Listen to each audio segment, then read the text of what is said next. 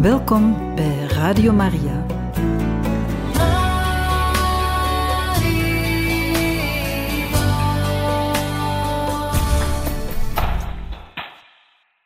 Hartelijk welkom, beste luisteraars van Radio Maria, bij het programma Catechismus.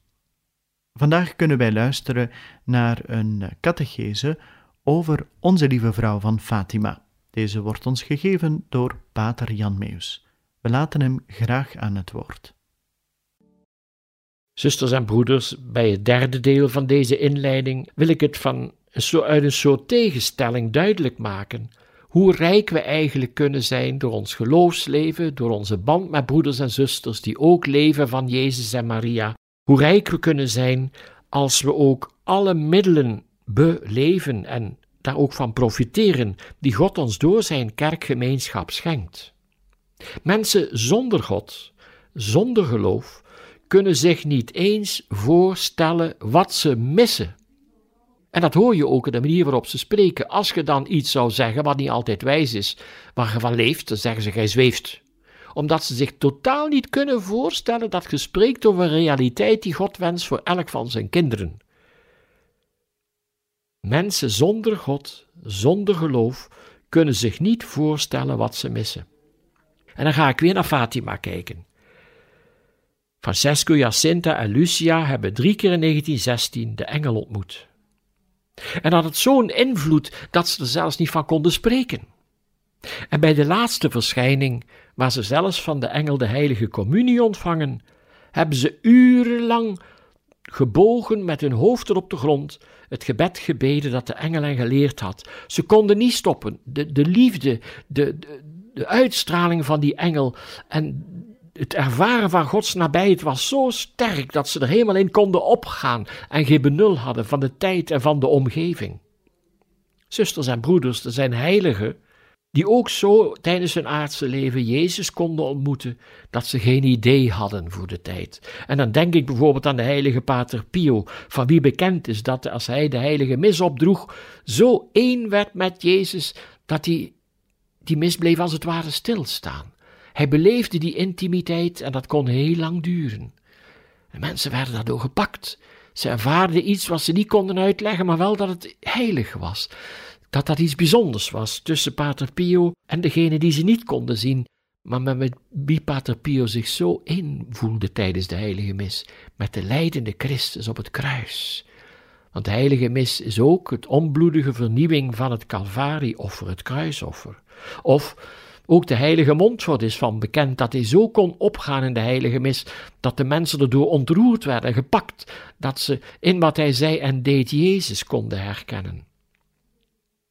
Zusters en broeders, de kinderen in Fatima waren zo ontvankelijk, dat ze dat die godservaring die ze kregen als ze dat licht van de engel ontvingen, en ook laterhand voor onze lieve vrouw, dat die sporen naliet in hun hart, in hun zielenleven, in hun gebedsleven, in heel hun gedrag, ook als ze te lijden hadden en vervolgd werden en in gevangen gezet, want dat is ook gebeurd. Ze hebben ontdekt, als je open staat en luistert en ontvangt wat de engel, en in ons geval onze engelbewaarder, en ons lieve vrouw in Fatima, die ook ons moeder is en die wij ook kunnen ontmoeten, wat die in ons hart kunnen leerleggen als het open staat als het zuiver is, als het ontvankelijk is, als het nederig is. Dan moeten we soms een beetje ballast opruimen, dat er genoeg ruimte komt in ons hart. En het, een van de mooie dingen van Fatima is, wat die kinderen ook gepakt heeft, dat zowel de engel als Maria vraagt om God te troosten, die door zoveel mensen niet de eer, niet de liefde, niet de aanbidding, niet het geloof krijgt waar hij zoveel recht op heeft. God heeft volmaakt aan de schepping gewerkt. God heeft volmaakt aan de verlossing gewerkt. God heeft op volmaakte wijze de Heilige Geest gezonden op Pinksteren, in wiens tijd wij nu leven, want de Heilige Geest blijft bezig waar hij de vrijheid en de openheid vindt van de mensen. En zoveel staan er niet voor open. Kijk naar ons Europa. Wil iemand lid worden van al die landen die bij Europa horen, dan moeten ze wetten aanvaarden die lijnrecht tegen Gods wetten ingaan. En dat is een ramp. Daar rust geen zegen op. Weet u, broeders en zusters, dat zuster Lucia Ze leefde nog in het begin van deze eeuw, heeft gezegd: Als Portugal de abortuswet niet aanvaardt, zal God het zegenen. Aanvaardt het die wet wel, dan zal het gestraft worden. Ik geef u geen commentaar hiermee, maar helaas zijn wij soms zo gemakkelijk gewend geraakt aan allerlei mistoestanden, dat ze zeggen: ja, dat is iets van deze tijd. Dat is een grote leugen. Het gaat om de waarheid en de manier van leven die Jezus is komen mogelijk maken, die hij heeft voorgeleefd tot op het kruis en heeft laten zien met hoeveel macht hij ons die kracht wil schenken in de wonderen die hij verricht heeft en nog verricht tot vandaag toe. God troosten en zijn moeder troosten. Troosten is een hele schone vorm van liefde. Dat deed Francesco, Jacinta en Lucia ook. Ze weenden soms. God, ik heb meelij met u, omwille van zoveel zondaars die u beledigen. Maar je moet het je kunnen voorstellen. Het gaat om liefde. Wat doet u, broeders en zusters, als u veel van iemand houdt die verdriet gedaan is door anderen? Die gaat je troosten. Wel nu, God kunnen we ook troosten, eerherstel brengen, de eer herstellen die hij zo verdient. Door zijn inzet, door zijn aanwezigheid, door de genaden en zegeningen van elke dag, door de talloze mensen die hij ontmoeten mag omdat ze wel in hem geloven en wel beminnen. En om eens iets speciaals te noemen, elk jaar met Pasen worden zoveel volwassenen gedoopt. Dat zijn nieuwe broers en zussen die erbij gekomen zijn, ook tot vreugde van God en van onze lieve vrouw. En God daarmee feliciteren, gelukwensen, hem loven en prijzen om de nieuwe gelovigen die er zijn. Zusters en broeders, alles wat in Fatima gebeurd is en nog gebeurt, want als je er naartoe gaat op 13 mei of 13 oktober of een van die andere maanden op de 13e, staat ge versteld hoe de Portugezen met alle liefde en kracht hun geloof beleven met heel hun lijf en leden als één grote massa, als één volk, als één volk van God. Het is niet te geloven en het ontroert iedere keer weer. En daar krijg je iets van mee. Tot slot, broeders en zusters, wil ik enkele uitspraken geven van belangrijke personen. De bekeerde kerkvervolger Paulus, die schrijft in een van zijn brieven: Ik leef niet meer, Jezus leeft in mij. Ik kan alles door Hem die mij kracht geeft. U weet dat wel, Paulus had brieven van de hoge priesters om de christenen uit te roeien. Zo ging hij naar Damascus. Maar daar verscheen Jezus aan hem. En een van de leerlingen, Ananias, moest Paulus de handen opleggen. En hij ziet met nieuwe ogen. Hij beseft wie Jezus is. En in plaats van de kerk te vernietigen die hij vervolgde tot voor Damascus, heeft hij verschillende kerkgemeenschappen gesticht tot hij zelf de marteldood sterft die hij anderen had aangedaan toen hij nog kerkvervolger was. Wilt u een strafvoorbeeld? U vindt het drie keer terug in de handelingen der apostelen. En wat zegt Jezus zelf? Als hij zegt in het vijftiende hoofdstuk van Johannes, ik ben de wijnstok en gij de ranken? Eén wens, blijf in mij, dan blijf ik in u. Dat is de gouden sleutel van het christelijke leven. En daar heeft Maria op unieke manier beleefd. Ze heeft Gods zoon als haar bloedeigen kind negen maanden gedragen in haar maagdelijke schoot, die voor dat kind de hemel op aarde was. Ze heeft al wat Jezus zei en deed en haar onbevlekt hart bewaard, gekoesterd en beleefd en overwogen. En daarom is dat een onuitputtelijke bron ook voor ons die de kinderen van Maria zijn. Zusters en broeders, in 1917, als Maria verschijnt, is de wereldoorlog bezig. Er zijn verschillende regeringen gevallen gekomen en gegaan in dat land. Er heerst een vreselijke ellende op sociaal gebied, economisch gebied. En degenen die de macht hebben politiek hebben gezworen om het katholicisme in twee generaties uit te roeien. Tegen deze achtergrond wordt het licht van de boodschap van de engel en van onze lieve vrouw des te glansrijker. Ik denk dat dit ongeveer voldoende is als inleiding, als eerste uitzending over Fatima. Ik ga dadelijk na de pauze nog een bijzonder gebed bidden, dat speciaal gemaakt is voor dit jubileumjaar van Fatima.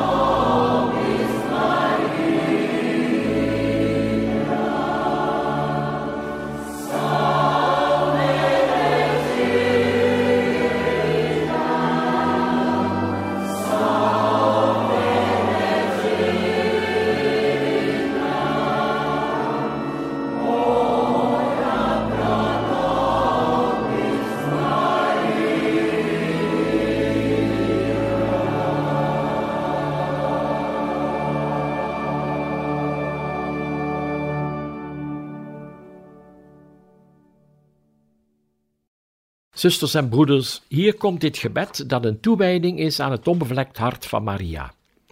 Als we over het onbevlekt hart van Maria spreken, dan moeten we zien hoe rijk dit hart is. Door de onbevlekte ontvangenis was Maria meer dan welk schepsel ook zuiver van hart.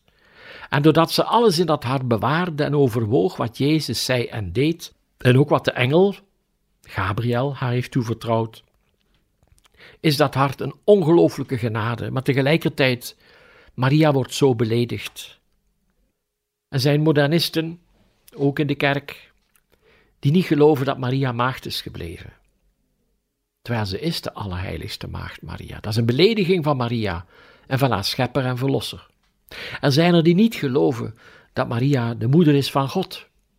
In Fatima wordt een lied gezongen met het Griekse woord Theotokos. En letterlijk vertaald betekent dat God voortbrengster. En dat betekent eigenlijk dat God zich aan Maria geeft om haar bloedeigen kind te worden. Hij was al God. Maar het kind dat geboren wordt, Jezus, is helemaal God en helemaal mens. En daarom is ze ook moeder van God. En er zijn veel gedoopten die niet, niet willen aanvaarden, ook in onze kerk. Dan iets anders. Maria het vierde, dus de onbevlekte ontvangenis, was het eerste, dat ze maagd is gebleven, dat ze de moeder van God is, maar ze is ook onze moeder. Jezus zegt op het kruis, zie daar uw moeder. En pausen hebben dat uitgelegd vanuit hun intimiteit met Jezus en Maria. Hoe kostbaar dit is en hoe dwaas het is niet als kind van Maria te leven. De heilige Montfort als apostel van Maria schrijft daar uitdrukkelijk over in zijn ware godsvrucht en ook zijn meesterwerk L'amour de la sagesse éternelle, liefde tot de eeuwige wijsheid, of in Frans is dat dubbelzinnig, liefde van de eeuwige wijsheid. En dat is Jezus zelf. Gods Zoon is die wijsheid. U geven aan dat onbevlekt hart van Maria. In het hart van Maria is dezelfde liefde als in het hart van Jezus. In Jezus omdat hij God is, en in Maria omdat ze het zo ontvangen heeft.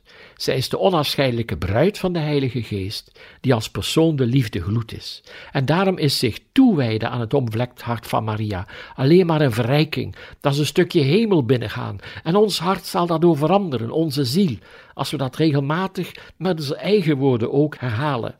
En nu ga ik dat gebed dus voorlezen, rustig bidden. Dit wordt verspreid door het heiligdom van ons lieve vrouw van Fatima in Portugal. Toewijding aan het onbevlekt hart van Maria. Heilige Maagd Maria, Moeder van God en onze Moeder. In algehele overgave aan God, onze Heer, wijden wij ons toe aan uw onbevlekt hart. Door u zullen wij tot Christus geleid worden. Uw Zoon en de eengeboren Zoon van God. En door hem en met hem tot de eeuwige Vader. Wij zullen onze weg gaan in het licht van geloof, hoop en liefde, opdat de wereld geloven dat Christus door de Vader gezonden werd, om ons zijn woord mee te delen. En zo zullen ook wij zijn gezondenen zijn, om de kennis van God en de liefde tot Hem uit te dragen over heel de wereld tot aan de uiteinden der aarde. Onder de moederlijke beschermingen van uw onbevlekt hart zullen wij één volk zijn met Christus, het volk dat hij zich door zijn dood heeft verworven, en we zullen getuigen van zijn verrijzenis. Door hem zullen wij tot de Vader komen tot eer van de allerheiligste drievuldigheid, die wij aanbidden, zegenen en prijzen. Amen.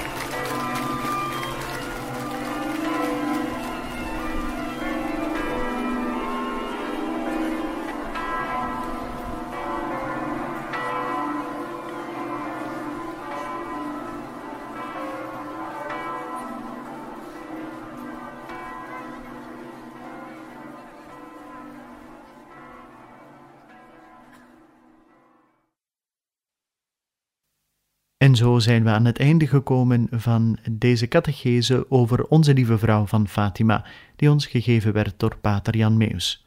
Een volgende keer zullen wij opnieuw hierin verder gaan en we hopen dan ook dat u er opnieuw wenst bij te zijn. Van harte dank en nog een bijzonder fijne dag gewenst.